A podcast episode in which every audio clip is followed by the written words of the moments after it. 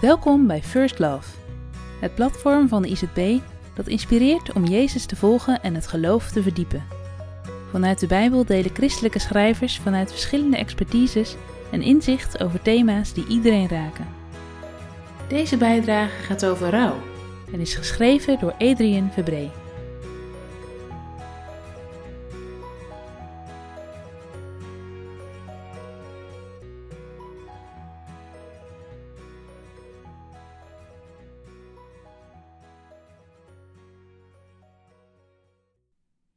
Jezus begon ook te huilen.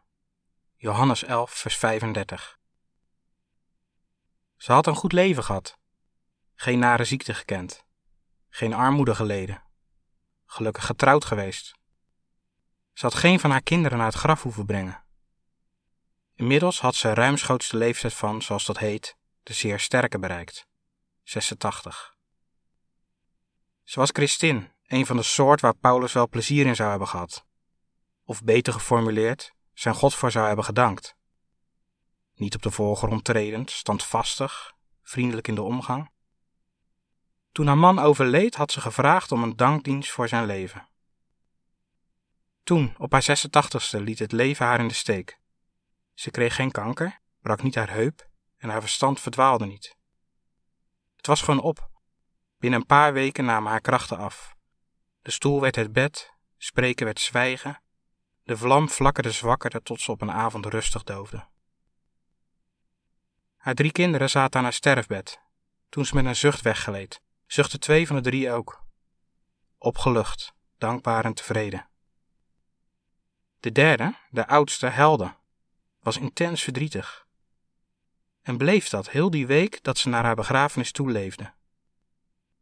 Zijn tranen ergerden zijn zussen. Het kwam tot woorden. Kom op zeg, mama heeft een mooi leven gehad. Ze is in haar geloof gestorven. 86, wat wil je? Weet ik, weet ik, maar dood. Zo dood, zo koud. Heb je haar hand gevoeld? Ja, maar kom op man, verman je. Jij gelooft toch ook dat ze het nu beter heeft? Wat had je dan gewild? Dat ze krakkemikkig tot haar honderdste in een verzorgingsthuis had zitten kwijlen? Zodat jij haar had kunnen houden? Wees blij dat ze zo is gegaan. Ja, maar houd toch op. En morgen, als we dat konden leren hebben, beheers je al een beetje. Alsjeblieft. Waar ligt hij? Loopt u maar mee. De beide zussen gingen hem voor naar het graf. Hij wist wat ze dachten, wat zijn jongens dachten. Had hij maar niet zo getreuzeld. Hij wist dat ze niet hadden begrepen wat hij hen tussen de regels door had laten weten: dat het goed zou komen dat hun rouwklacht zou veranderen in een blijderij. Dat Gods naam deze middag de hemel in zou worden geprezen. Lazarus zou leven. Hierheen, meester. Maria ging hem voor en ze passeerde andere graven. Hier is het. En ze huilde. Net als veel van de omstanders hield ze het niet droog. En toen? Toen werd het hem te veel. Toen huilde hij.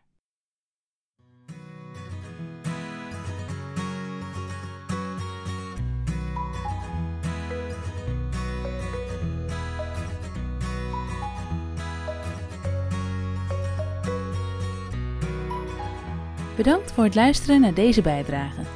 Voel je vrij om deze te delen met anderen. Ben je benieuwd naar andere artikelen van First Love? Kijk dan op www.firstlove.nl of download de ICP Connect app voor nog meer inhoud.